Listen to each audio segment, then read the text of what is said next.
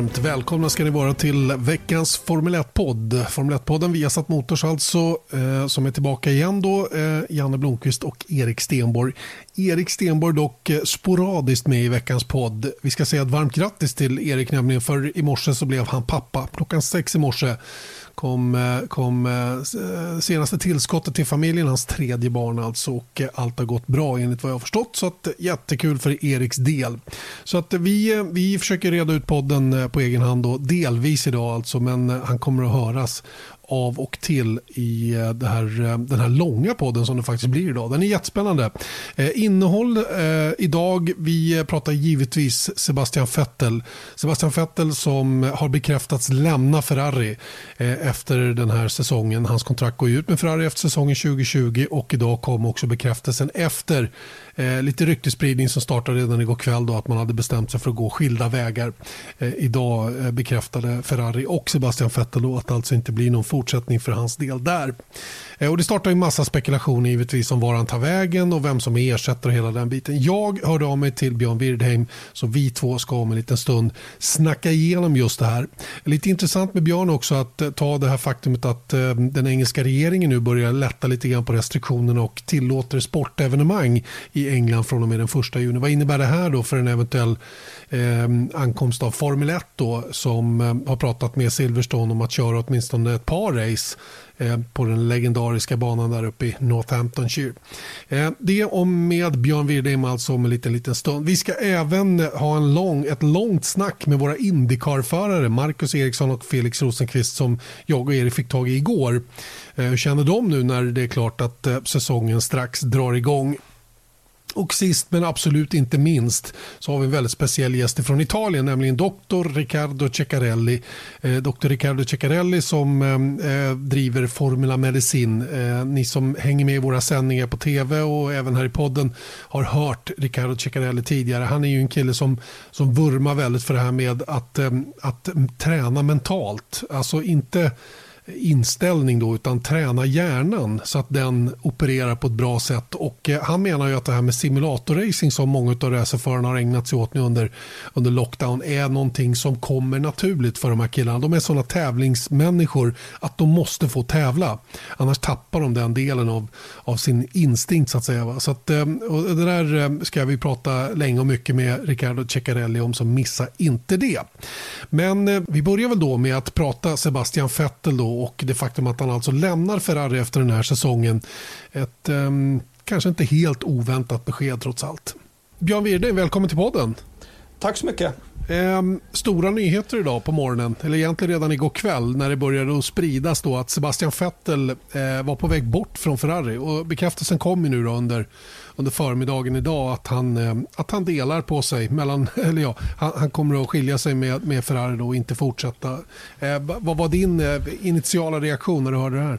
Jag läste det precis innan jag gick eh, och la mig faktiskt. Och sen så var det ju då som du säger att det blev bekräftat i morse. Och, Ja, 50 procent förvånad och resterande 50 procenten så var det nog lite förväntat också. För att Ehm, det resonemanget bygger på att eh, för några veckor sedan så hade man ju hört då att eh, de här förhandlingarna hade gått i, stå. och Det var väl rätt så uppenbart att det inte rörde sig om ehm, hur mycket pengar ehm, Sebastian Vettel skulle få för en förlängning. Eh, han är ju i den här positionen som ett fåtal andra förare i Formel 1 att han egentligen inte behöver bry sig om det där utan jag tror att han är en av de där förarna som bara kör för resultat och då handlar det ju förmodligen Eh, istället om förutsättningarna som han blev erbjuden. Och eh, det man hörde då för några veckor sedan var det att eh, Ferrari inte var beredda att ge honom mer än ett ettårskontrakt. Jag vet inte om det stämmer, men jag vet ju att tidigare när han har skrivit kontrakt med Ferrari så har det rört sig om åtminstone två år, tre år till och med. Så att, ehm, och det är klart att om, eh, om man helt plötsligt då bara blir erbjuden ett ettårskontrakt så kan man ju börja undra liksom, eh, vad teamet har för några förväntningar på framtiden och eh, framförallt när teamkamraten då Leclerc har skrivit på ett femårsavtal. Det, det, man, eh, det jag, eh, om man tittar mellan eller man lyssnar till Mattia Benotto så var de ju, de var ju jättenöjda med att ha Vettel kvar. Det var inte frågan ja. om det, men de var inte beredda att bygga framtidens Ferrari på Sebastian Vettel längre och därav eh, ett ettårskontrakt då till, till Sebastian Vettel nu när hans nuvarande går ut samtidigt som han gav Leclerc då, ett nytt treår då ända fram till 2024. Och, och då, det, jag, det jag funderar lite grann när, när det gäller Vettels situation han är fyrfaldig världsmästare. Han, han har passerat 30 gott och väl. Han har tre barn. Eh, situationen i världen just nu är väldigt annorlunda. Kanske får honom att tänka på ett annat sätt. Eh, vad, vad, vad, gissar du? Tror du att han har haft sånt i bakhuvudet när... För det är ju ganska tidigt ändå att de tar varandra i hand och säger att okej, okay, nu är vi överens om att det blir ingen fortsättning. Nej, du eh, har rätt. Och det där, han är ju lite av en speciell personlighet. Han skiljer sig Eh, jämfört med många av de övriga Formel 1-förarna på det sättet att eh, han är inte speciellt intresserad av publicitet. Han delar inte med sig av sitt eh, privatliv. Eh, jag får intrycket av att eh, eh att vara Formel 1-förare för honom det, det är ett jobb. Ehm, som, som han tycker om väldigt mycket, och som han har passion för naturligtvis. Men han är inte intresserad så mycket av det vid sidan av utan det som driver honom hela tiden det är att göra resultat. Och, eh, man såg ju då för, för två år sedan så poängterade jag i sändningen då att det är helt fantastiskt egentligen att vi har två fyrfaldiga världsmästare som tävlar om vem som ska bli femfaldig först. Och eh, då, då var han verkligen taggad, det kunde man se på Sebastian Vettel. Det var precis då som han började falla igenom dessutom.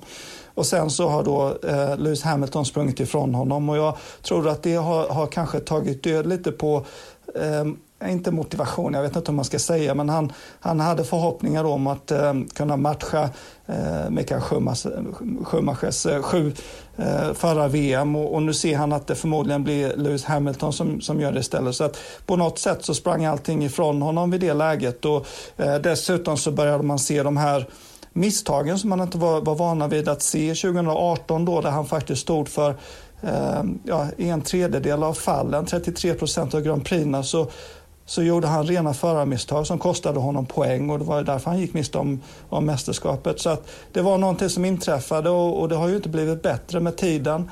Så att ehm, ja, det, det, var därför lite grann som jag skulle vilja säga att det, det var kanske inte så himla förväntat eh, heller. Nej. Eller oförväntat Nej, menar jag. Just det. Eh, och sen, sen, men men du, du poängterar en viktig sak här när vi pratar om vad som nu ska hända för hans del. För jag är verkligen inte säker på att det blir någon fortsättning för Sebastian Vettel i Formel 1 överhuvudtaget. Eh, och, och, när du säger då, ja men han är en kille som har gott om pengar, han kör enbart för resultat. Och alternativen tillgängliga för honom i Formel 1 där han kan göra resultat, de är sannoliken inte många, om några. Utan nu är det mittfältsteam som gäller och jag känner i ryggmärgen inte att det är helt bergsäkert att han är intresserad av att ta ett steg till Renault, McLaren eller vad det nu så kan erbjudas. Nej, och jag håller med dig eh, om det. Eh, det. Det är faktiskt min eh, slutsats också. Um, som sagt, han är fyrfaldig världsmästare. Uh, han tillhör en extremt liten klick förare som har lyckats med den bedriften. Det är han, det är Mikael Schumacher, det är Lewis Hamilton, Fangio och Prost. Mm. Och um, uh, som du säger, jag menar 33 år gammal, han har 13 säsonger i ryggen. Han är inte, han är inte så pass gammal så att han skulle vara tvingad att liksom, um, eh, gå i pension på grund av sin ålder, på grund av att farten inte finns där. För det, jag, jag tror fortfarande att han skulle ha chansen att utmana om, om VM-titeln förutsatt att Ferrari är tillräckligt bra i år. Eh, men eh, jag är ytterst tveksam till att han skulle acceptera en sits i ett team som på pappret inte har en konkurrenskraftig bil eh, redan då till nästa års eh, säsong. Eh, och sen tror jag att ehm, eh, Alltså det har pratats om honom i depån tidigare, att allting hände väldigt tidigt för honom. Inte bara hans fyra VM-titlar vid en tidig ålder utan även andra saker såsom att han bildade familj. Han hade, verkade ha väldigt bråttom med allting. Eh, och jag minns, jag pratade faktiskt med Mark Webber om det här under den tiden som de var teamkamrater då i, i, um, i Red Bull-teamet eh, och när han vann sina titlar. Och det var faktiskt Webbers slutsats att han faktiskt förmodligen kommer att dra sig tillbaka från sporten rätt så, vid rätt så tidig ålder. Och jag tror att det, det läget där har vi förmodligen kommit till nu. Jag vet inte vem vi pratade med, eller om det var du och jag eller om det var någon annan som, som var inne på just det här faktumet att ja. alla börjar så tidigt idag. Ja. Vilket innebär att de är nästan inte utbrända, men de är klara tidigt också. Ja. Förstår du vad jag menar? Det är inte ja. så, kommer man in i Formel 1 som 27-åring då är det inte så konstigt att man kör till man är 42. Nej. Men kommer man in som 19-åring då är, kanske, då är man kanske klar efter 13 säsonger på den allra högsta nivån också. Det sliter ju på kroppen eh, mentalt och fysiskt att hålla på, resa jorden runt varje år, förbereda sig varje år, hålla på med politiken internt i Formel 1 och, och jag menar, det är sånt som måste vara tröttande på alla sätt. Ja, men tänk på en sån som eh, Nico Rosberg eh, som eh, drog sig tillbaka då efter att ha vunnit sin första VM-titel. För han, vad jag förstår det som, eh, kunde liksom helt enkelt inte motivera sig för att gå igenom samma rigorösa träning och förberedelse bara för att kunna utmana Lewis Hamilton ytterligare en gång och då försaka familjeliv och hela den biten. Så att eh, efter 13 sekunder säsonger så, så, så, kan jag verkligen förstå att eh, eh man är mätt på det. Vem ersätter då? Det är ju jättespännande. Om vi, om vi släpper ja. Sebastian Vettel och lämnar hans öde lite hängande i luften då. 50-50 stannar, eh, hänger hjälmen på hyllan. Vem tar över tror du? Alltså de två namnen som det pratas mest om eh, just nu det är ju Daniel Ricciardo och eh, Carlos Sainz.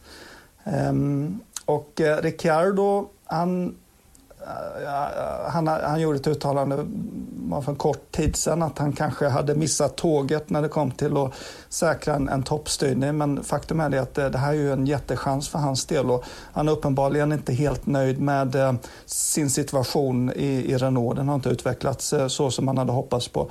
Eh, så att eh, eh om han skulle bli erbjuden den här styrningen så, så, så kommer han utan tvekan att ta den. Um, men frågan är om hur, hur, Ferrari ser på hela situationen. För jag menar, traditionellt så har de alltid haft en förare som de har backat lite mer än den andra. Och eh, nu är det som så att eh, Leclerc är deras eh, eh namn för framtiden. Eh, det är ju klart och tydligt med tanke på att de han har gjort så pass bra ifrån sig i förhållande till Sebastian Vettel och, och dessutom har skrivit så pass långt eh, kontrakt. Så vill de verkligen ha en förare som, som utmanar Charles Leclerc? Det är det som är frågan på samma sätt. Och därför kanske det är lite säkrare att, att gå och ta Carlos Sainz istället. För att jag tror inte... Ja, vad jag tycker i vilket fall som helst så är han kanske inte lika eh, stark eh, som, som Daniel Ricciardo. Eh, och det handlar väl om att man vill kanske ha harmoni i teamet och så vidare. Men å andra sidan så får man komma ihåg det också att um, Ferrari gick väl emot uh, sitt eget uh, historiska traditionella tänk när man snappade upp uh, Charles Leclerc från början. Så de kanske är beredda att ha två förare liksom som fightas mot varandra och, och lyfter sig förhoppningsvis till, till en, en, bättre nivå. Om jag frågar så här då, vem skulle du vilja köra i Ferrari ihop med Charles Leclerc? Om du fick välja fritt?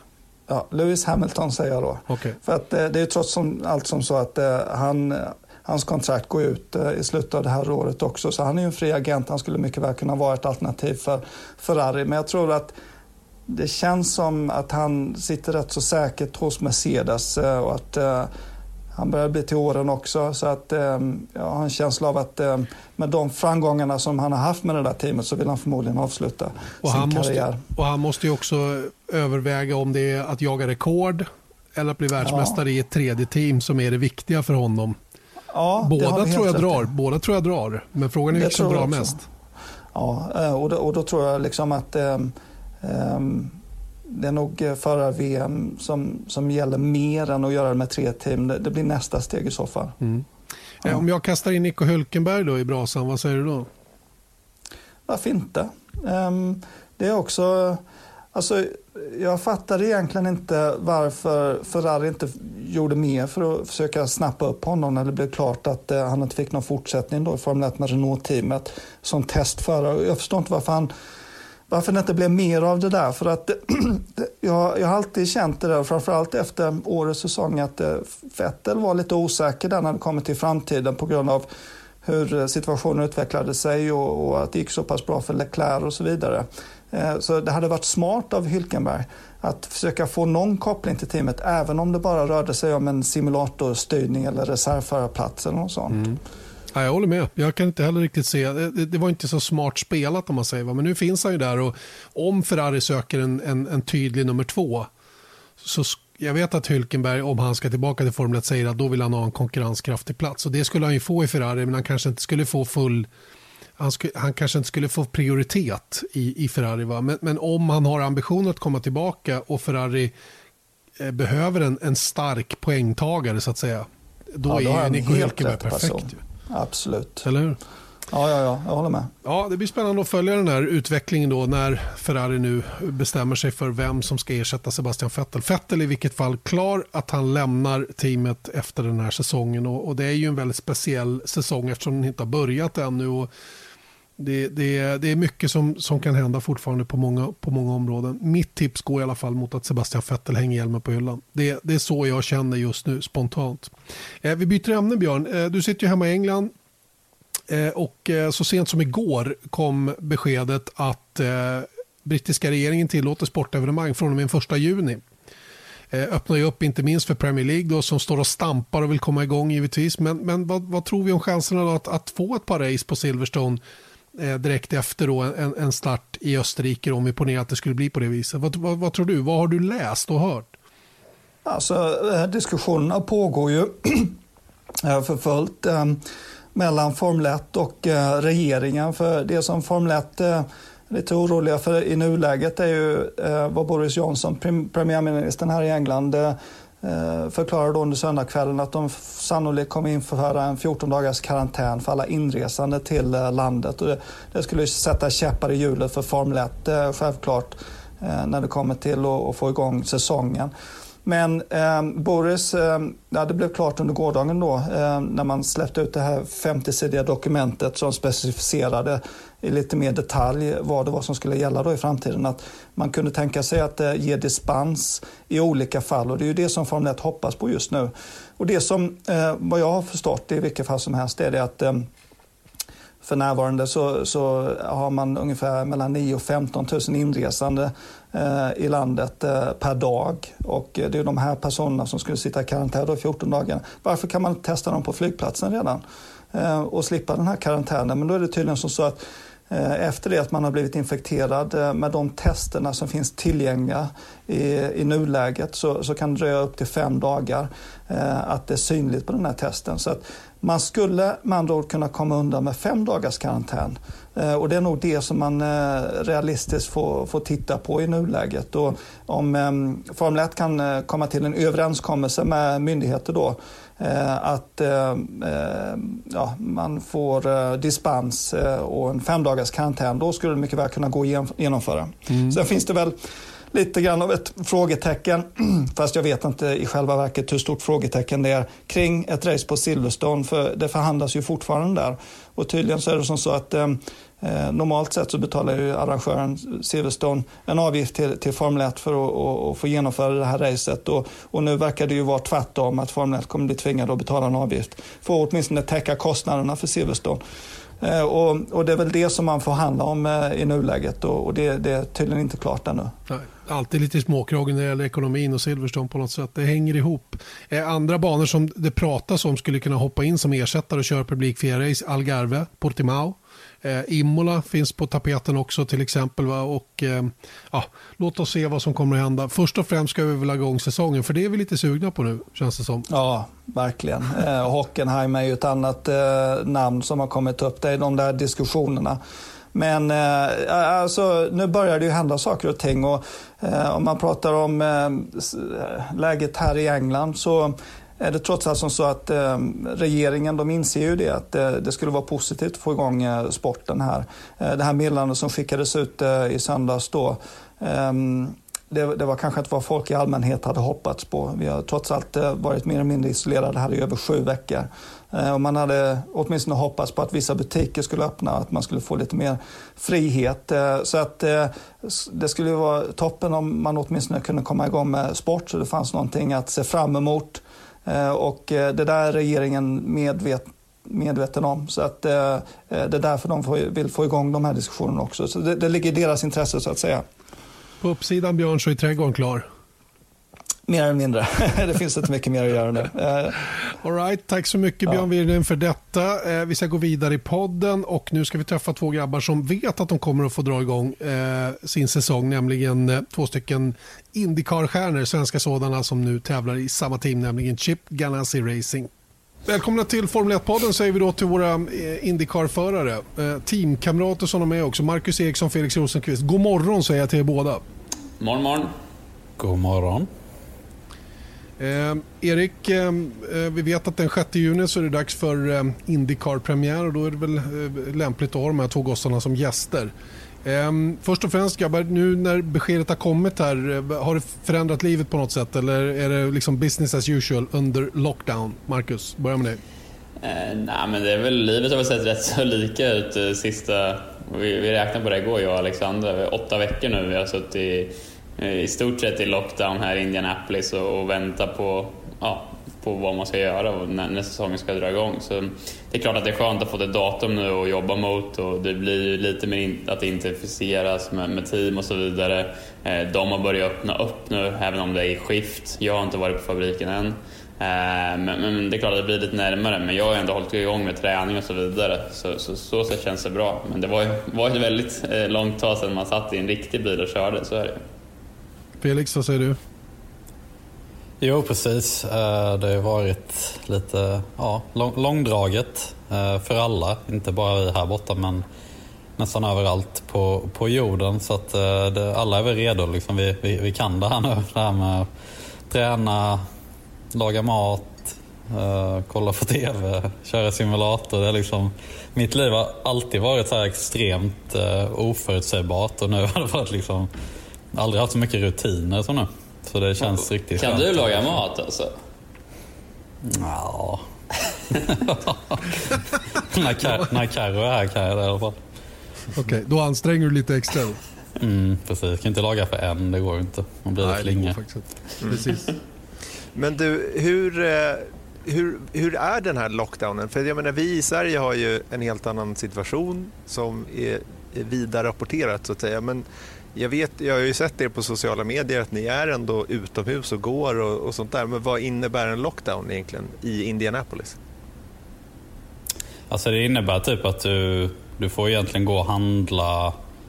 Du får typ gå ut med hundarna rent officiellt tror jag. Uh, jag, jag, vet inte exakt men det, ja, om man behöver någonting så får man gå ut och sen ska man liksom helst vara inne man, och det, det finns någon regel för hur många Typ personer man får vara på en viss yta och sånt där. Ehm, men ja, det, det, är ganska hårt. Vi, typ jag och Carro har ju blivit stoppade av polisen någon gång när vi varit ute och gått. Liksom, för att man tydligen får man inte gå ut och gå. Så det, det, men det känns inte som folk tar så seriöst. Det, ibland ser man jättemycket folk ute när det är bra väder så det, det, det skiljer sig lite dag från dag. Men det är helt klart lugnt ute. Strategiskt av mig och Alexandra och hund. Så vi får unlimited hours outside.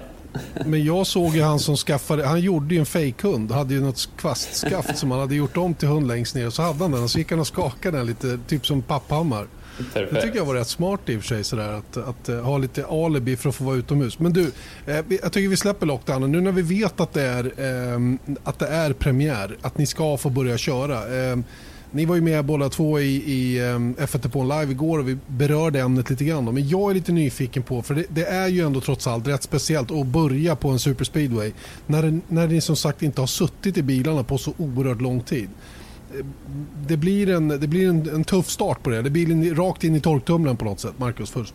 Ja men verkligen. Det är ju, jag skulle vilja säga, vilken ba, annan bana på kalendern som helst hade inte varit så big deal tycker jag. och Åkt direkt till eh, utan några tester innan och bara liksom köra ett endagars-event och, och, och, dra igång säsongen. Men just Texas Motor Speedway, det är kanske den mest galna banan på kalendern. Och, Eh, en sån extrem liksom bankad superspeedway, eh, går väldigt snabbt. Eh, inte mycket marginaler till att liksom, eh, göra några misstag alls. Då. Eh, så, så det gör att det blir rätt så extremt. Då.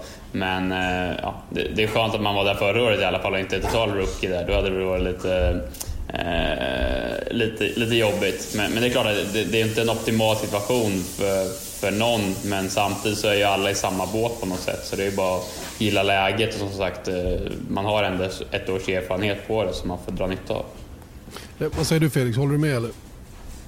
Absolut. Eh, det, det enda man kan liksom se är, är liksom att det är samma för alla. Och det är nog inte någon som går in i det här racet och liksom ser på det lätt, utan det, det, det är tufft race som kommer.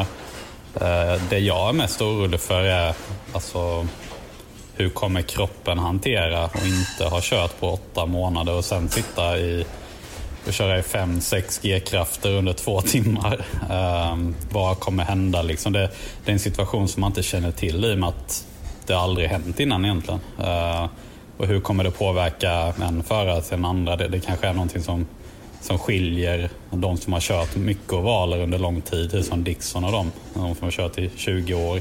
Deras kroppar kanske är uppbyggda för att hantera det där längre men uh, ja, det, det blir intressant att se om man får ligga i på träningsfronten helt klart. Plus att vi ska ju köra, det är liksom träning på förmiddagen, kval på eftermiddagen och sen det här långracet på, på kvällen. Eh, allt på en och samma liksom, eh, dag. Från att, som Felix säger, vi inte har kört på hur länge som helst. Så det, blir, ja, det ska bli en utmaning, eh, minst sagt. Vilket var faktiskt min nästa fråga, just om den grejen. För jag tänkte så här, eller jag har sett lite så här, för det rapporteras ju nu om, eller det diskuteras lite om hur schemat ska se ut den där dagen, eh, alltså den 6 juni. Att det är träning, det är kval, det är race. Och då tänkte jag så här, ja, men då får de väl en längre träning, men jag menar, sen ska ni köra 200 varv också. Och ni har inte kört någonting innan, så att jag menar, jag vet hur ni har berättat tidigare hur det är att liksom träna nacken. Det går inte att simulera riktigt med vikter. Så att jag menar, det är också att om man lägger fyra timmar träning och sen så en timme kval och sen så två och en halv timme race. Det kommer att vara rätt tufft alltså, gissar jag. Ja, det, ja det, det känns som att uh, på, på, på, den fronten så är det rätt skönt att det är en oval i och med att där kan man luta huvudet och sådär. Så det blir egentligen andra krafter som träder in på kroppen som är liksom på, på andra delar, typ som magen och hjär, alltså huvudet och Eh, alla in, interna delar blir liksom eh, eh, stressade på ett, an, på ett annat sätt jämfört med en road course. Men just nacken tror jag är liksom lugnt för den kan man bara hänga vid sidan och liksom chilla. Men eh, ja, det, det blir två helt olika utmaningar på val och road course rent fysiskt. Men jag tror båda kommer, vara, kommer liksom sätta sina spår när man inte har kört så länge. Jag kommer ihåg från förra året och det vet jag att du och jag Felix snackade om också att liksom efter Texas, man, man, kunde knappt, eller man kunde inte sova den natten för man var så jäkla uppspelt liksom och uppe i adrenalin och den banan är så galen på det sättet. Så att köra en hel dag där med, just för mentalt tror jag man kommer vara Ja, det, det kommer bli en väldig utmaning just mentalt att kunna hålla sig sharp eh, hela dagen. Vilket får mig att tänka på en annan sak. För att jag vet att Nascar sätter igång på söndag på Darlington i South Carolina. Sen kommer de flytta därifrån till North Carolina i Charlotte. Eh, och det gör de ju i mångt och mycket då för att många av teamen är baserade just i Charlotte. Varför kör inte Indycar, där de flesta teamen är baserade i Indianapolis, på Indianapolis Motor Speedway? Istället för att flytta hela cirkusen till Texas. Det kanske inte ni känner till, men har ni någon tanke runt det? Börja med Felix. Jag vet inte, de, de har väl liksom sin plan med Indy 500 att det, det är det viktigaste och det måste ske på en tid där de är redo att göra racet. De kan, jag tror inte de är redo att köra Indy här nu eh, i och med att det fortfarande är lockdown och Texas verkar vara lite mer öppna eh, på sitt sätt att se på viruset. Så jag tror det har med det att göra. att de de, istället för att skjuta lite på Mant och mig hela tiden så sätter de det liksom på ett datum där de vet att liksom, här finns det faktiskt en chans att vi kan förbereda allting och vara klara för det. Så tror jag det. Har du hört något annat Marcus? Nej, men jag, jag instämmer där. Jag tror som sagt eh, Texas verkar vara lite mer att de, från, från man kan läsa sig till i alla fall, att de öppnar upp lite mer där just nu. Plus att Texas var ju på kalendern den här helgen från, från början också så det var väl planerat den här helgen eh, för deras del. Då.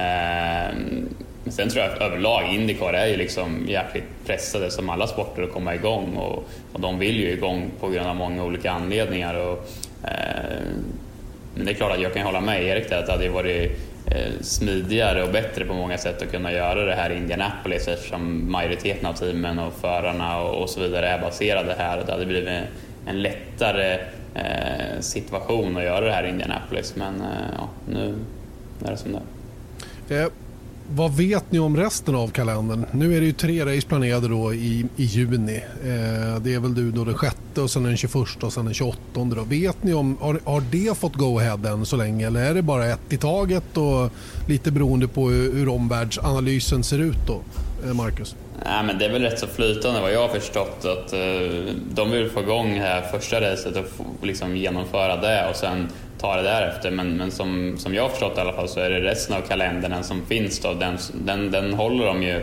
fortfarande men det kan ju komma att ändras. Eh, jag snackade med lite andra förare som har lite mer kontakt med folk inom Indycar och de sa ju, sa ju det att eh, eh, de har hört att det är mycket snack om att det blir det mer race med inställda så finns det möjligheter att göra mer double headers under senare delen av säsongen.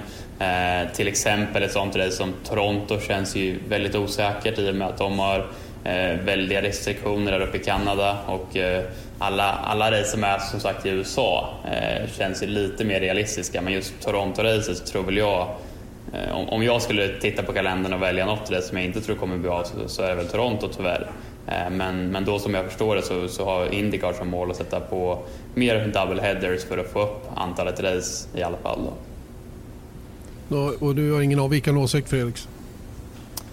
Nej, egentligen inte. Eh, det har varit så mycket fokus på Texas nu så jag har faktiskt inte ens kollat på något annat. Och det har inte varit så mycket snack om något annat heller faktiskt. Utan det, det är liksom jag tror planen är att om man gör det här racet i Texas så kommer liksom resten av motorsportvärlden vakna till liv lite också och då kanske det blir liksom en spin-off effekt på det och all, allting blir lite mer som vanligt efter det. Eh, så att ja, det, det, är nog all in på Texas så, får vi se sen.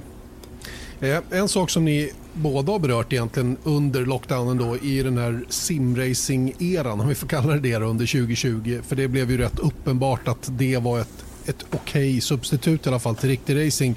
Att, att, eh, och just ovalracingen är det som är mest likt verkligheten när man använder sig av simulatorn. Och eh, där har ni faktiskt gnuggat båda två rätt ordentligt här på slutet. Det var väl ett race som ni var med i båda två senast igår kväll. Ehm, och, och, och, på det viset, gör det att man är okej okay förberedd då, bortsett ifrån fysiken så att säga, när det väl drar igång Felix?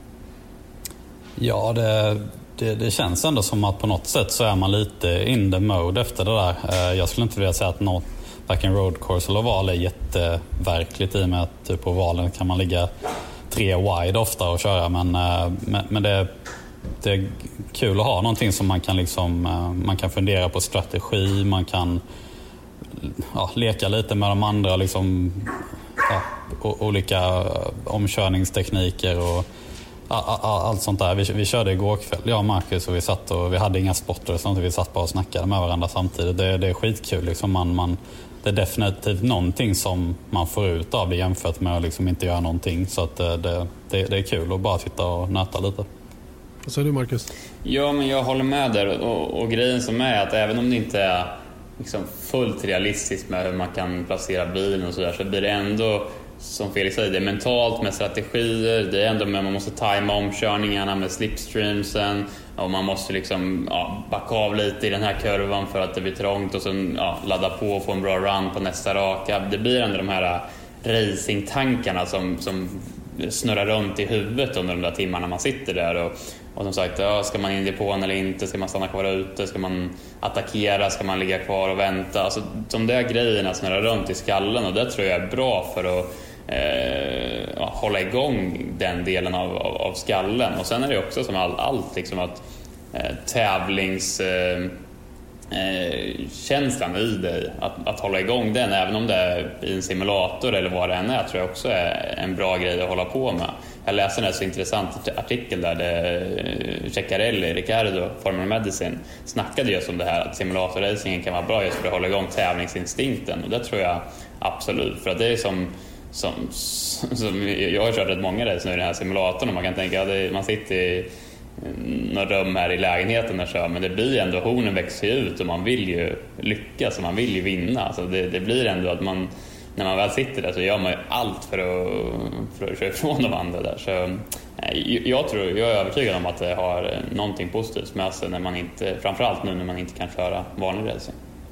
Och som en, av en händelse ska vi prata med Dr. Ceccarelli senare i den här podcasten. Men jag vill komma tillbaka Påpassligt får jag säga. Ja, måste, vilken, vilken, vilken plugg, Marcus. Snyggt. Fick in på. Riktigt bra. Du hängde på kanten där. Men jag vill komma tillbaka till Texas då. För att vi har ju pratat om att, alltså, jag kan ju bara tala från mig själv här, men när det eh, annonsades att Nascar skulle sätta igång Indycar skulle sätta igång och det ser fortfarande än idag ut som att eh, Formel 1 ska sätta igång 5 juli. Det tycker jag är kul. Samtidigt då så ska, i varje fall från vårt, vår position Janne, eh, vi ska titta på det här hemifrån. Vi behöver inte åka någonstans. Alltså jag skulle gärna åka någonstans också om det var, vore säkert. Men hur, Me too. ja, absolut, men nu ser det ut som det gör. Hur känner ni egentligen runt, bara personligen, liksom, hur, hur, hur känns det att börja resa igen i det här läget? Marcus? Nej, men det är klart att man, man, har, sina, eh, liksom, man har sin oro och det är en, en svår situation i, i, i, hela världen som vi har varit inne på och det går inte att blunda för det. Samtidigt så är det en, en, en sån situation där man måste lita på de som tar besluten. Eh, man kan inte göra så mycket mer än det. Och, eh, man hör snacket här med hur, hur noggranna Indycar ska vara då med allt med ja, allt ska vara liksom endagars event för att minimera riskerna för, för att man ska bli smittad. Det ska vara så lite folk som möjligt på banan. Det ska vara extra stora pitboxes och extra stort med mellanrum mellan alla andra. Och liksom, de kommer verkligen vara noggranna med att försöka begränsa eh, möjligheten till att bli eh, smittad eller så, och så vidare. Men eh, men samtidigt så vet man ju inte, man har ingen aning. Eh, så, det är en, svår situation, absolut. Men eh, som sagt, där, där känner jag att jag har för lite koll på det för att kunna göra mer än att lita på det de, de beslutar. Hur tänker du Felix? Nej, det, det är som Marcus säger, det, det är ju bara liksom att hänga med och, och köra. Liksom. Det, det, det är klart att det är en seriös situation och att alla är liksom det är många frågetecken men samtidigt så är det ju ändå det här vi gör och vi, vi reser ju vårt jobb hela tiden och det, det, känns, det känns bra att sätta igång och resa igen. Liksom. Det, är, det är något man har gjort sedan man var 12 liksom och nu har man inte gjort det på några månader. Så det är en märklig känsla men det, nej, det, det, det känns bra liksom och någon gång måste man ändå återvända till, till verkligheten. Och det, det, kan liksom inte stå stilla hur länge som helst. Hur, ja, man, kan, man kan vara försiktig men det, det måste liksom det måste hända något så det känns, det känns gött att någon drar startskottet. Liksom. Mm. Eh, och det är faktiskt lite intressant att det sker just i USA då, med tanke på att just USA är lite grann bakom Europa egentligen, ärligt talat. Men pressen från, från allmänheten är ganska hård att öppna upp staterna. Man har ju jobbigt att hålla stängt. Eh, om jag har uppfattat det rätt ifrån Sverige i vilket fall som helst. Eh, om, vi, om vi lämnar just den problematiken då, rent sportsligt då, vad, vad, hur går ni in i den här första helgen? Vad, vad, är, vad, vad är målbilden för dig? Jag, jag fattar att ni båda vill vinna, självklart. Men alltså, om, om, liksom, hur tänker man? Felix? Nej, men först och främst så jag tror det alla tänker på är att man vill känna sig bekväm i bilen direkt. Liksom man vill man vill få den där feelingen att allting känns bra, att man, man kan vara snabb och man, man vet liksom, man känner balansen i bilen. Bara, bara de där vanliga grejerna som man annars tar för givet, är liksom den feeling vill man ju nå så snabbt som möjligt när man sätter sig i bilen på träningen. För man har ju bara, säg att vi kommer ha 30 minuter effektiv körning för det kommer bli någon caution eller inspection och röd flagg och sådär. Så att det, det gäller verkligen att använda varenda varv hela tiden. Och Sen, sen, hörde jag någonting om att det kommer vara, man får inte byta setup från kvalet till racet tror jag. Så att det blir väl ren fokus på liksom racebilen då, försöka ligga i trafik och, och jobba på den fronten. Uh, så ja, nej men bara liksom, det är nog det enda jag fokuserar på i nuläget. Att även fast det är konstigt allting, försök bara komma in i den där känslan. Liksom. Marcus? Ja, men jag kan hålla, eller jag håller såklart med Felix där att det, det kommer vara jätteviktigt att och, och så snabbt som möjligt känna sig bekväm i bilen. För mig blir det en utmaning. Jag har ju aldrig kört den här bilen. Jag körde några dagar på, på road course, eller en och en halv dag, men aldrig kört Ganassi-bilen på en oval och så vidare. Så det, det kommer ju bli... Eh, ja, hoppas att den liksom passar mig direkt. Eh, men sen, sen kan det låta konstigt, men jag tar ändå med mig det här självförtroendet jag har byggt upp i, i, i iRacing, eh, i simulatorn liksom, framförallt på ovalerna där det har gått så pass bra som det har gjort nu sista tiden och jag har varit så pass stark och på något sätt så har det byggt upp mitt självförtroende. Och jag vet ju också att förra året så var jag väldigt stark på ovalerna i, i verkligheten så att säga och det var liksom min, min starkaste sida egentligen under, under mitt debutår. Så jag går ändå in i Texas-helgen med riktigt eh, riktigt bra självförtroende och riktigt taggad till att börja säsongen på ett bra sätt. För jag tror att jag har en väldigt, väldigt god chans till att göra ett riktigt, riktigt bra resultat här. Det, det är lite intressant det där. Du går ju från Arrow Schmidt Peterson då till Chip Ganassi. Då. Det, är, det är likadana bilar. Eh, det är det. Men eh, det är inte likadana bilar. Det är vissa skillnader. Och hur har du upplevt det hittills då? Det lilla du har kört. Eh, vad, vad liksom, hur mycket gnager det i bakhuvudet när du kommer till en oval där, där du som sagt aldrig har provat bilen? Ja, men det är klart på, på de här roadcourserna vi har haft våra en och en halv dagars tester så har man väl märkt att det är lite annan karaktär på bilen, hur den känns. Och man märker att de ställer in den på ett annat sätt. Det är som du säger, även om det är en enhetsklass så finns det ju tusentals olika inställningskombinationer man kan ställa in bilen på och, eh, och där har man väl sett att, eh, att eh, Ganassi eh, har en annan filosofi i hur de sätter, ställer in bilen gentemot hur SPM hade förra året. Då. Och det är väl likadant när man kollar på, mot Texas där så har jag diskuterat rätt mycket med min ingenjör och eh, jag har ju Eh, ja, minnen från hur, hur, hur, bilen kändes förra året och så snackar vi om hur de eh, brukar köra sin bil och så vidare och det är klart att det är rätt stora skillnader där. Då. Så, Eh, så det kommer vara en, en, utmaning för mig att komma till Texas som är, som vi var inne på, en av de tuffaste banorna, om inte den tuffaste på kalendern och direkt försöka känna sig komfortabel med en, en ny bil eh, och en ny ja, känsla. Då. Men eh, där har jag tur också att jag inte kommit till något, något, något bottenteam utan jag har kommit till ett av de bästa så jag hoppas ju att, att det kommer vara en, en, riktigt bra bil att köra. Och Felix, det är just det, just det faktum att du var i Ganassi förra året också och eh, det var ju ändå så att i Ganassi var absolut ett toppteam under hela förra året men ni hade ju en lite större edge på roadcourses och traditionella banor än på ovaler har ni liksom pratat om någon förändring sett från fjolåret till i år? På, just på ovaler? Ja, verkligen. Det, där har det skett en enorm förändring. Vi har tagit in en ny ingenjör som jobbar på Scotts bil nu som heter eh, Mike Cannon och han har tagit med sig rätt mycket kunskap då från team han har jobbat innan, eh, Dale Coyne då som var de var väl tvärtom från oss. De var väldigt starka på valen men inte så starka på road course. Eh, så att våran Indy och eh, Iowa har varit de stora eh, fokusen liksom att förbättra.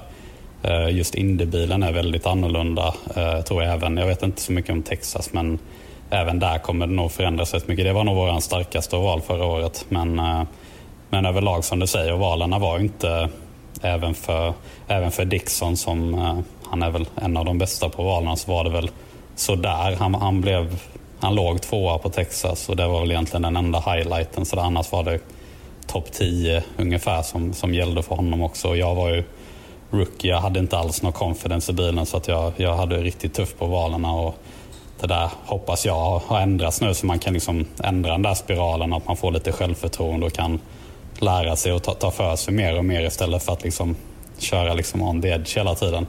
Eh, men, det, men det har varit en, ja, som sagt, den stora det stora fokuset hela off-season har varit liksom hur kan vi förbättra ovalen och vinna, vinna Indy 500 igen.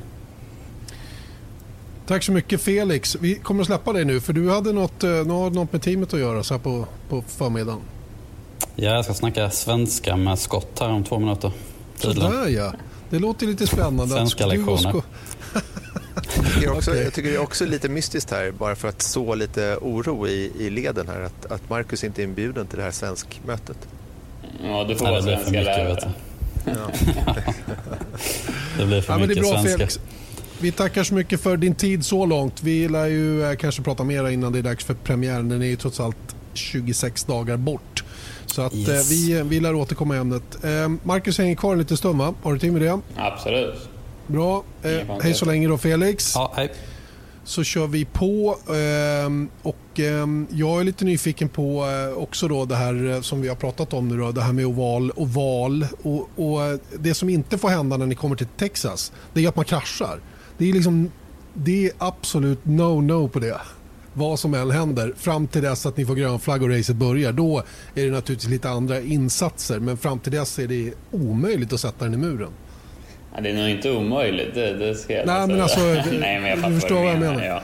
Nej, men det är klart att så är det absolut. Det, är, Eh, det kommer ju vara en, en, en, fin balansgång där med att du måste gå på attack direkt för det kommer eh, inte, säkerligen inte vara jättemycket träning eftersom det är en endagars event.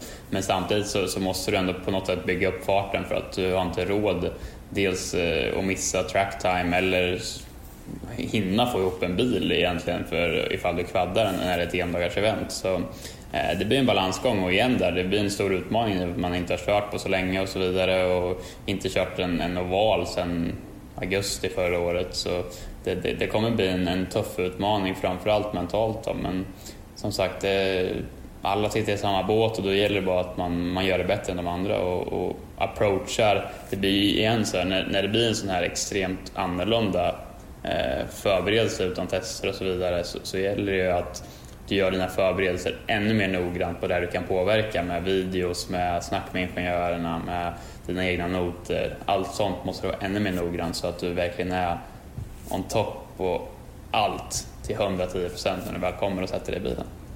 Så med tanke på då att det här beskedet kom att ni ska köra 6 juni, vad hände liksom inte hur du kände, men vad hände liksom rent mentalt när du för en gång skulle hade datum? att se fram emot? Jag menar rent förberedelsemässigt. Jag vet att ni båda, vi såg ju bilder på att ni direkt la dig i sängen med vikter på huvudet liksom, till exempel. Men vad, vad, hur blev förändringen där? Ja, alltså det, det, var väl egentligen mer en, en slump än inte att jag började med nacken. Jag var att, eh, som Felix var inne på lite där så är ju ovalen kanske inte så mycket för, för, för, nacken för där kan man ligga och luta mot en kudde då, men, men eh, men jag är ändå som, som, som jag var inne på förut också, jag har hållit igång väldigt, väldigt bra med träningen och känner mig eh, förmodligen starkare än jag någonsin har varit för jag har kunnat haft en kontinuerlig träning de här månaderna vi har haft lockdown och har cyklat och löpit och, och så vidare väldigt mycket. Då. Så, så har det inte ändrats så mycket men det är väl rent mentalt att man har mer någonting att jobba mot, att man har ett datum att jobba mot och, och det blir att det blir en mental, att man liksom ställer på mer eh, i huvudet på något sätt. Och, eh, och det har varit gött för att man har gått här i liksom väntans tider och inte vetat riktigt vad, när och var och hur det ska liksom komma igång igen. Nu har man ändå ett konkret datum att jobba mot och det är inte så långt bort heller så då blir det ännu mer att man jag började tänka, jag kollade på Texas-kvalet eh, och Texas-racet här i helgen eh, och liksom analyserade, tog lite noter. Eh, ja, försökte liksom åter, åter, eh, återuppleva det för att fräscha upp det i minnet. Kommer säkerligen kolla på det ett par gånger till här innan vi kommer till Texas. Så, eh, det, det, det är väl mer det, att mentalt har man fått någonting att verkligen se fram emot. Spännande. Det ska bli kul att följa i vilket fall när det väl drar igång. Eh, vad ska du ha för hjälmdesign i år? Jag går tillbaka till min eh, lite mer klassiska gul och blåa som jag haft eh, eh, under ja, hela min karriär egentligen. Eh, sen kommer jag ha lite special editions för eh, Indy 500 som eh, blir häftiga också. Det blir kul. Ja, och hur? Ja, men det får ni se. Det, det är det som är lite roligt ju. Ja. Det låter kul tycker jag. Eh, precis när vi sitter och pratar så kommer besked faktiskt från, eh, från den eh, brittiska regeringen att sportevenemang får köras eller får anordnas inför tomma läktare från och med 1 juni. Mm. Och Det stärker väl möjligheten för Formel 1 att dra igång den 5 juli då i Österrike med ett par race och sen därefter då vidare till till, till Silverstone då, där man också tänker sig att köra. Problemet där är väl att man hamnar i karantän så som reglerna ser ut just nu. Då. Så det är väl inte helt hundra eh, ännu då att Formel 1 kan åka till Silverstone, men det är i alla fall tanken. Eh, Formel 1 eh, står ju också inför en, eh, en utmaning, Marcus, med, med allt som är runt omkring där. Din roll med Alfa Romeo är ju nerskalad. Eh, jag antar att den kommer inte att existera överhuvudtaget så tillvida att du är på plats och sådana grejer under det här året i och med att det har blivit som det har blivit. Jag vet faktiskt inte. Jag har inte lagt någon tid alls på det egentligen. Allt fokus har varit här på Indycar då. Men, eh, Nej, men det är klart att det, det, det, man följer ändå vad som händer i Formel 1-världen såklart. Och det som är problematiskt där är ju som du var inne på att det är så mycket olika länder och olika regler. Eh, det har vi lite tur med här i, Indycar att allt är USA förutom då det här racet i, i Toronto i Kanada. Så det gör ju att man jag tror att det är lättare att få igång Indycar som serie än, än, än Formel 1 då, på grund av, av detta. Marcus Eriksson och Felix Rosenqvist är alltså eh, hemma från Indianapolis, eller Carmel, Indianapolis, där eh, Felix fick avvika lite tidigare. då. Han skulle prata svenska med Scott Dixon. Det låter lite konstigt ärligt talat, va? men eh, det var säkert någonting viktigt som de behöver göra där på teamet. Så att, eh, det är om detta. Eh, spännande i alla fall med Indycar-premiär då som alltså drar igång den 6 juni med ett endagsevent på Texas Motor Speedway.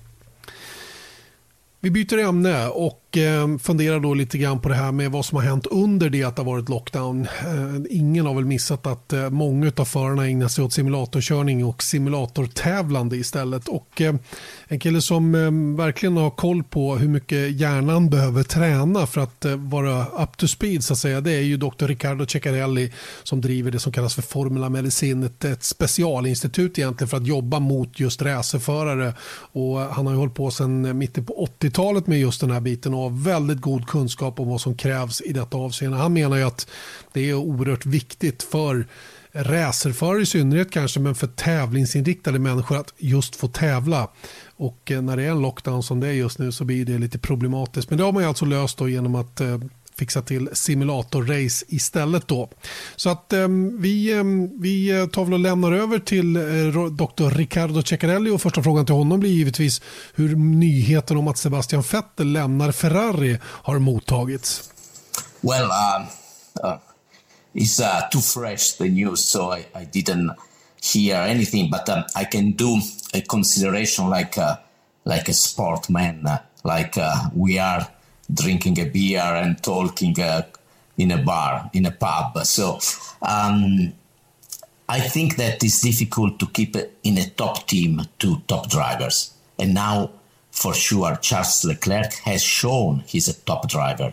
So um, I can understand that uh, uh, to manage uh, better the team, uh, it's necessary that one has to leave. And obviously, uh, Charles is young, and so Ferrari has to invest in uh, in Charles. So um, I think uh, it's a normal decision. I'm not surprised, and uh, I think Vettel can uh, can reach uh, still top result if he can move in the right team. So I, let's see, let's see, let's see what's going to happen to him then. Um, I'm I'm calling you because I'm I want to discuss another subject which you are more an expert on. Um, I, I, read this article in the race where you uh, you commented on the fact that drivers need something to do which is competitive, uh, just to keep that momentum up uh, when we have this lockdown. Can you can you elaborate on that and, and what you mean? Yeah, it's um, um, one of the characteristic of the top driver is the competition. It's one of the of the things they they require. Um, when um, uh, my company, Formula Medicine, was working uh, uh, all the career side by side uh, with uh, Fernando Alonso, with my trainer, my physio, and they told me it's amazing. It's a stress to stay with Fernando because everything we do is a competition. Even if we go to the circuit, who is faster to go to the circuit, who is faster to eat the pizza, who is faster to uh, to drink a Coca-Cola, just to make uh, some silly example. So, uh, but that is his strength. Is uh, uh, that in everything, everything he he make a measurement of himself against the other and he knows that in every situation he can be the best. But the same is uh, Robert Kubica. Robert uh, uh, um, playing tennis. I still remember one match in Bahrain. Okay, me and the, the Toyota team manager, which is now the boss of uh, BMW. And sometimes we laugh because we were playing together against uh, Robert Kubica and his manager. And me and uh, Jens Markart, the name of the boss of BMW, we were much better in tennis. but was difficult to win because Robert was struggling, was shouting, was uh, uh, was uh, stealing uh, because uh, the balls was out. No, was inside, and he was shouting until he got the point. So uh, it's. but um, I'm. I was also kidding a few days ago, talking about my first experience in Formula One in '89 during a holiday. All the Formula One drivers they were in Australia all the Formula One driver. And me, I was with them. It was the first time, so I didn't know so many important person like Prost, like Senna, like Patrese, like. Uh, and they organized a volleyball match on the beach. Uh, Italian, because at that time many Italian driver, and uh, Italian against the others. And they decide, okay, Ceccarelli is the referee. Okay, yes, let's go enjoy. After 10 minutes, I was scared because everyone was shouting on my face, was inside, was outside. And I remember the most aggressive Patrese and Tarquini. Patrese and Tarquini, they were so aggressive with me. I still remember their veins in the neck full, uh, shouting against me. And, and I say, wow, which kind of strange animal is the driver? Okay, just for a, an enjoyment volleyball match. Yeah, but uh, yeah, if you see Tarquini still winning now, 60 years old, this, uh, that's what a top driver requires inside. I need to be the best. I want to be the best. I need competition. I need to compare with the other. So if you put them in a ga- in a cage inside the house and they have no competition, uh, they they lose their motivation. They lose their energy. Uh, so maybe they can make a competition with a girlfriend in uh, I don't know in uh, uh, play card, but um, they need competition to stay alive. This is the my, so, my concept. So you're not you're not surprised that the, this sim racing uh, sort of wave came over all the competitive drivers that they needed this instead uh, as a substitute for, for, for real racing. Absolutely, they need, and uh, if they don't do with the if if they don't do um, with the uh, did the recording stop? Someone called. Yeah. Yeah, then the recording stops. So you need to you need to press record again. I think. Maybe you should put airplane mode or something. Exactly. Yeah. I, I am doing now, but it looks like it's still it's still, still moving. It's still moving. I oh good, good. Or yeah, yeah, it's still moving. Yeah, perfect. Okay. Perfect.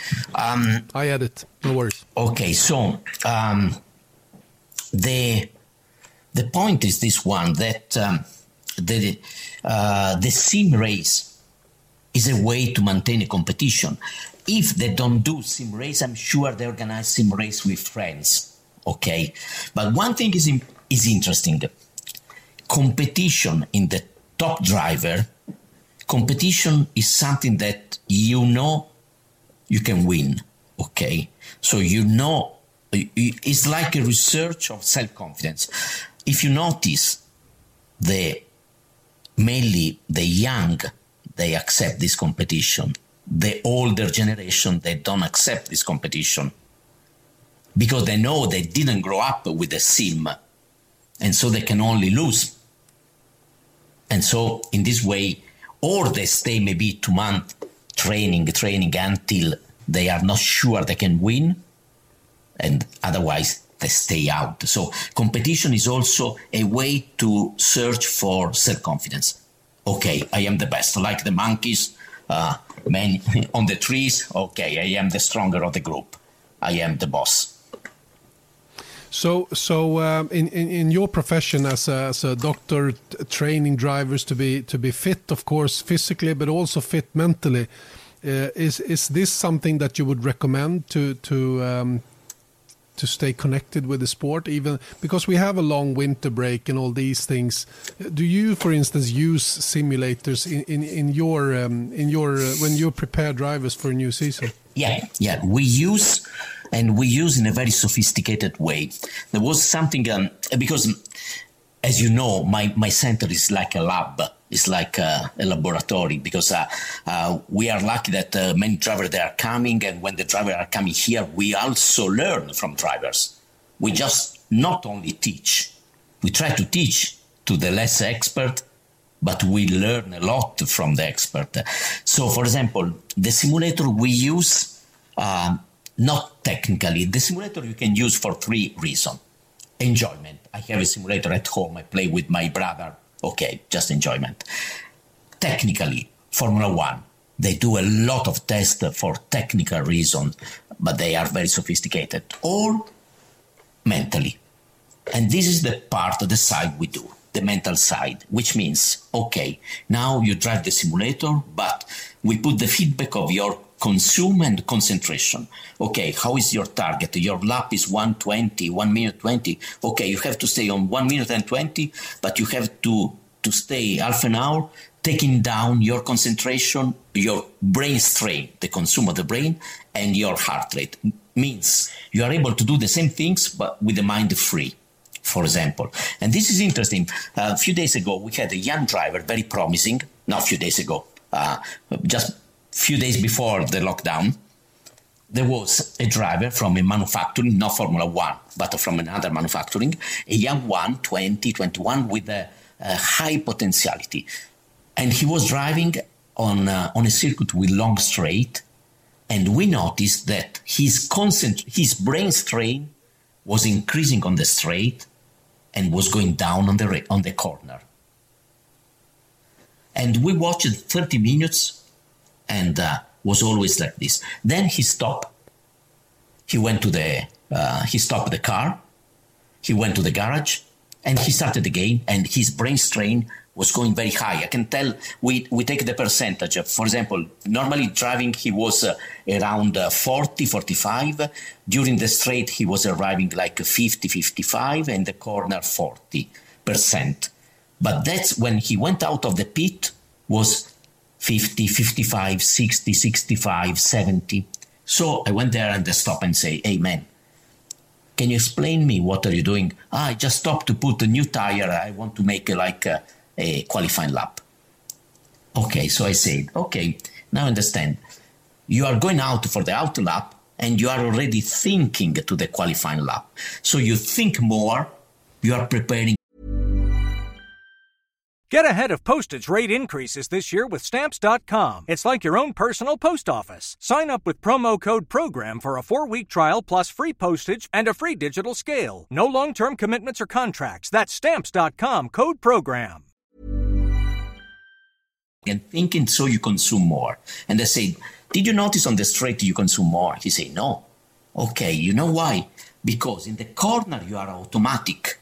You have to drive automatically, as you know but on the straight, you have the time to think about. It's like a tennis player.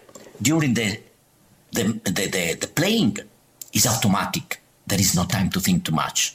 And between one shot and the other, you can think, ah, I have to play more on the back, I have to run more on the run, I have to make a. The same is going on on the young driver, and they consume a lot. So we teach to them be automatic. Don't stay on the straight to think about uh, now next corner. I have to break there. I have to do this. Uh, because when you start to do like this, you make mistakes. So for us, the simulator is a mental training.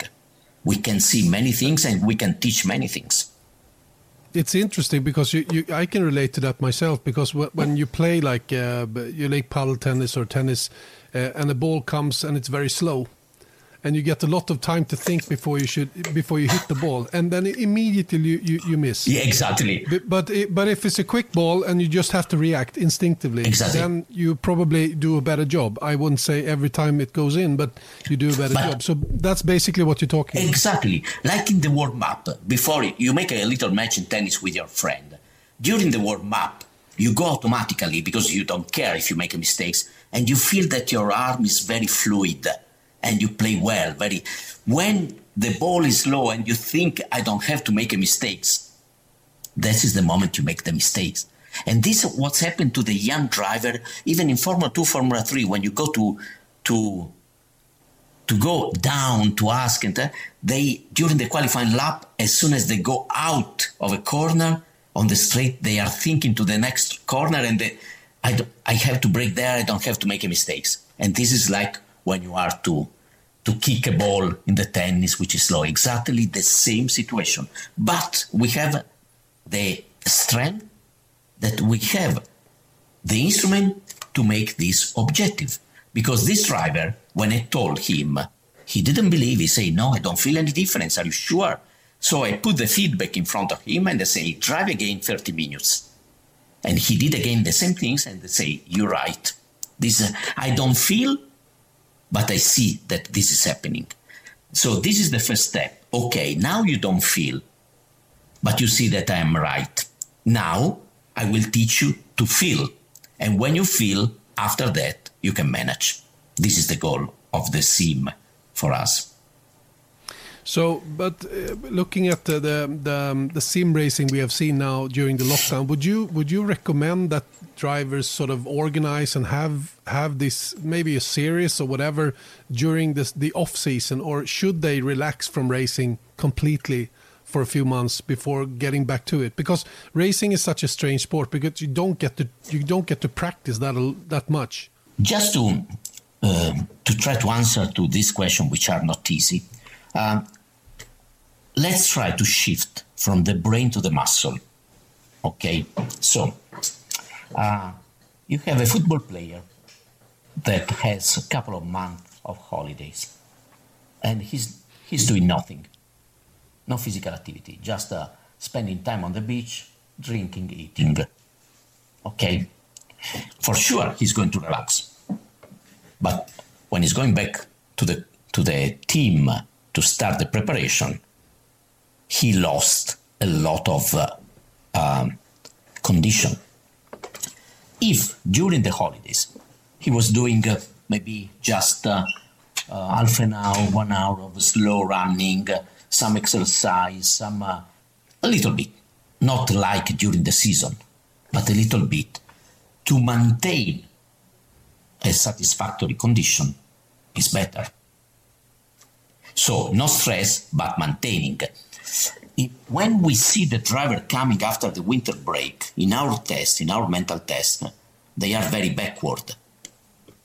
Okay, so uh, for me, if they do uh, 12 hours on the sim during the winter times, they just get stressed. If they do uh, one day yes, one day not, some training, some, uh, but uh, using the brain a little bit and some competition, um, is fine. Has not to be a stress, has not to be another work, has not to be a load.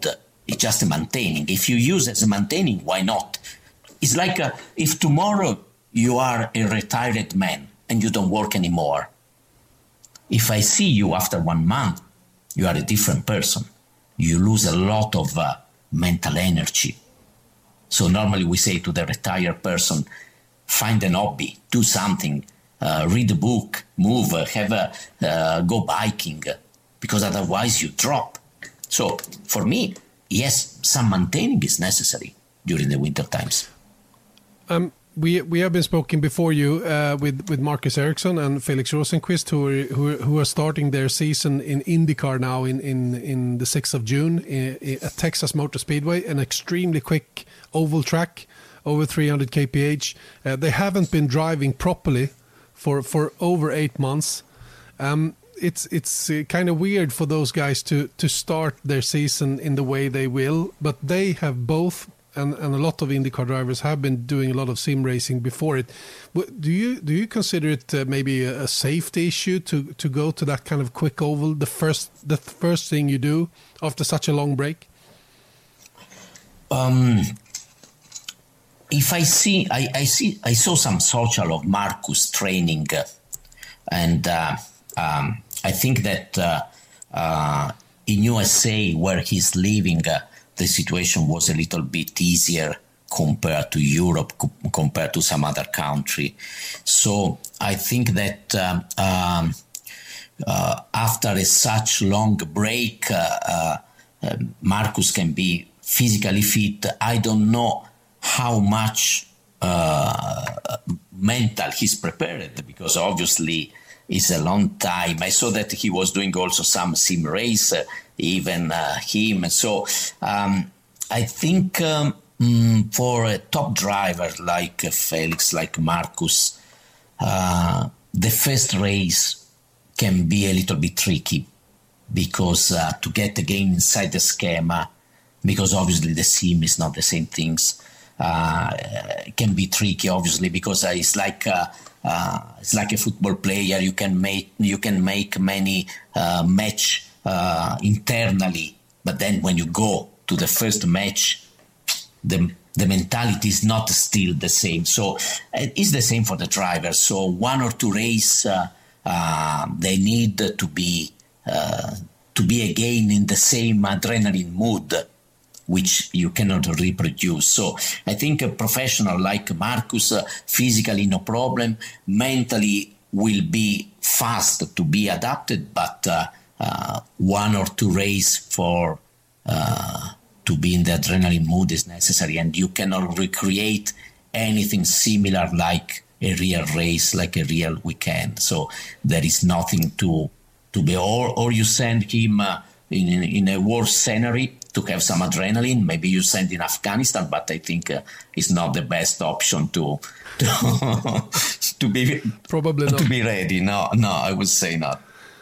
But would you say that uh, that racing drivers are are special in that way that they yeah. that what they do yeah. is very yeah. very small piece of time yeah. uh, compared to all the off time? Yeah, obviously uh, they are the point of the iceberg of the human being, and so they they pass already through a selection. If if uh, I mean if you, me, or someone else uh, is going to roll 300 kilometers per hour in Monza at the end of the straight and then you go for exam and you are full of pain and everywhere and then but the only the only dream is to go back in the car as soon as possible means there is something different inside the brain so it's um there is a, a study you know we have um, a like um, we have a part in the brain that is the amygdala which is uh, the part of the of a fight on, or fight or flight.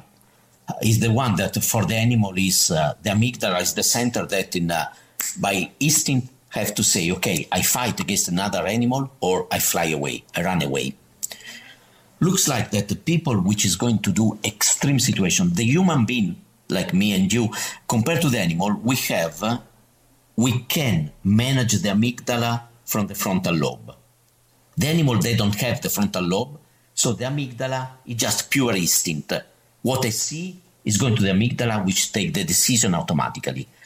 The human being is the only one that has a connection frontal lobe to amygdala. So in the amygdala, there is a mix instinct, animal, and reason, frontal. Okay, looks like that the person that they do something extreme, they have a different work on the amygdala.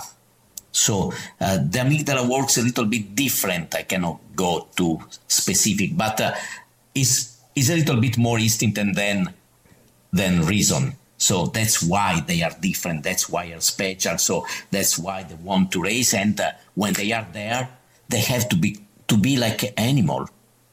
Again, the animal instinct is there. So they just need a little bit of adrenaline to uh, to wake up the animal instinct and to be uh, to be again back to the animal mood, and uh, which is very important.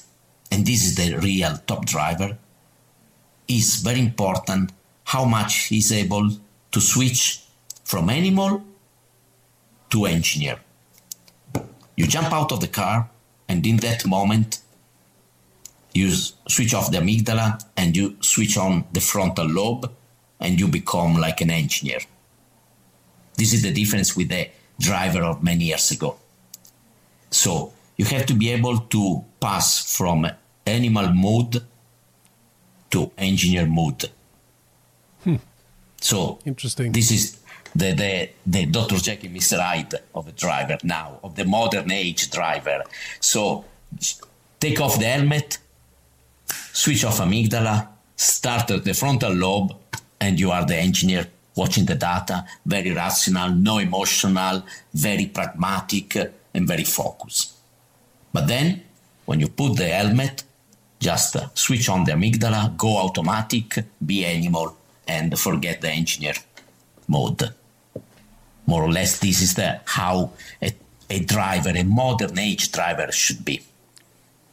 And I guess that's where they all differ a bit. If you are more reasoning than instinctive, maybe you get uh, because I know Marcus Marcus Ericsson. If we compare these two Swedish guys, I think that Marcus consider himself more analytic. Yeah, exactly. And I think that Felix Felix is more of an instinct driver. Absolutely, yes. And that's that's what differ between those two. Yes, absolutely. And uh, the top driver is the perfect mix between these two things. Uh, a driver which is only instinct is uh, maybe every car. I, I, don't want to say any name, but I had some driver like this in the in the past. You can make a, you can give a car like this, um, and they drive fast. You can put the car like this, and they drive fast, and they don't feel the difference. They are pure instinct, but they are not so good to set up the car. Technically. Technically. Um, or the other that they are too much rational when they are in the car. If they are too much rational, they are like you and me when we play tennis on the slow ball. So too, yeah. too much, yes. So uh, driver like Prost and Senna, they were technically amazing, but then in the car they were animal. So the top driver is made like this. Is uh, uh, just uh, and uh, in my opinion, this is the the strength of uh, Charles. Charles is uh, for me. Charles is very similar to the Senna I had the pleasure to meet, like a calm gentleman outside and very, very rational, very nice person and rational. But inside the car, no excuse, no, no, mm, mm, I, I don't want anyone past me and I can fight like an animal and uh, no one has to be better than me. So that's are the classic prototype. And uh, as you described the two Swedish driver, you're right. Uh, the tendency of uh, Marcus is to be a little bit too rational. Sometimes he, he, has to learn. Now he's much better in this. Now he learned a lot and he knows he's fully aware. He has to uh, switch off a little bit the rationality and to be more uh, automatic. Yeah. Cool. Very, very interesting insights from you, uh, Ricardo. Uh, one final thing: uh, how is how are you coping with the with the lockdown, and how, how is Italy doing now? Because you have been you have been suffering a lot for for um, for a long time now. Um, do you have a couple of hours? because okay, uh, because no for us uh, for us personally for us it's very um, very tough very tough because uh, uh because uh, uh, formula medicine is completely locked down because our client they were coming from all over the world and they don't come they cannot come the second work was to go to the race, and there are no race. So for us, it's uh, is a very uh, very difficult moment for Formula Medicine specifically. For Italy, is a very bad moment because uh, obviously uh, the lockdown was killing many company, and uh, probably uh, the our government was was facing something too big for them. So they were good to lock down, but they are not so good in uh, to make the choose to open again. And so it's uh, it's really difficult in Italy now. From the healthy side, fortunately, the situation is much better now, as you can see. So and um, and mainly the problem was in Lombardia. The rest of Italy was not so bad. Even here in Tuscany, we didn't feel the dramatic situation. So we just uh, now cross the finger because we, we need to start again as soon as possible. So this is the uh, what we wish, what we we hope, because otherwise uh, we will have a lot of economical problem globally in Italy. So uh, if the if the season starts in the fifth of July in, in, in Austria, will will you and your company be be on site? Will you be allowed into the paddock? Do you think? Um, that is a good question, John, because um, mm, uh, I know they want to restrict uh, as much as possible the access. Um, I know the team they would like we are there, but uh, uh the indication from uh, FIA is to limit access as much as possible. To be honest, um, we didn't have any clear picture. Uh, so uh, we are still uh, thinking about what's going on. We don't. I I create a group in case we are there. I create a task force uh, of people only with COVID experience. I have in my group uh, two persons that they worked personally inside a, a COVID hospital department, and I have also three uh, Austrian doctors from uh, the area of Spielberg that they work for me in uh, DTM with BMW, Aston Mar- with um, sorry Aston Martin and um, and Mercedes, and one is working in Formula E. So three they come from there and they have also experience in the hospital with the COVID. So I made a task force of specialists of COVID ready there to go. We just need to know if we will have a pass or not. But uh, the, the, the, team, I have sent to the team uh, how I want to organize, and they say, yeah, yeah, that is huge, perfect. Even because we need someone local, because you have to respect the local guidelines. So our task force is ready, is is competent, is uh, expert on COVID, and with experience in uh, and uh, and with two or three local doctors. Let's see what's going on. We don't know yet. Thank you so much, uh, Dr. Riccardo Ceccarelli, for your insight with, with the, how the brain works and, and the competition driver needs, even during a lockdown. And uh, I hope to see you soon in the F1 paddock. The moment I will be allowed in, yeah. which I don't really know, Yeah. which I don't know when when it will happen. It probably the first time we have uh, um, spectators on, on site. Yeah. I think that's that's the first time I will be there. So let's see whatever happens. Thank you so much for being on the podcast and, and see you soon. Thank you. Thanks to you. Ciao, Jan. Ciao. Have a good day. Ja, doktor Riccardo Ceccarelli där alltså som eh, hade mycket intressant att dela med sig av, tycker jag i alla fall, om, om hur vi fungerar som, som människor och hur idrottsmän fungerar framförallt när de hela tiden behöver tävla för att eh, liksom träna på den egenskapen också.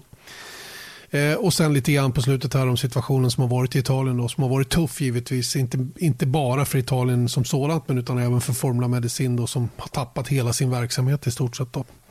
Hörrni, det här har varit en eh, lång och eh, förhoppningsvis härlig podd att eh, hänga med på. Men nu är den slut och vi lovar att vara tillbaka igen om en vecka med nya friska tag, mer uppdateringar inför det som komma skall och kanske även tillbaka med Erik Stenborg. Vi får se om man behöver längre pappaledighet än en vecka eller inte. Men återigen stort grattis till Erik då för nedkomsten. Janne Blomqvist ber därmed att tacka för sig. Ha det gott, vi hörs om en vecka igen. Hej då!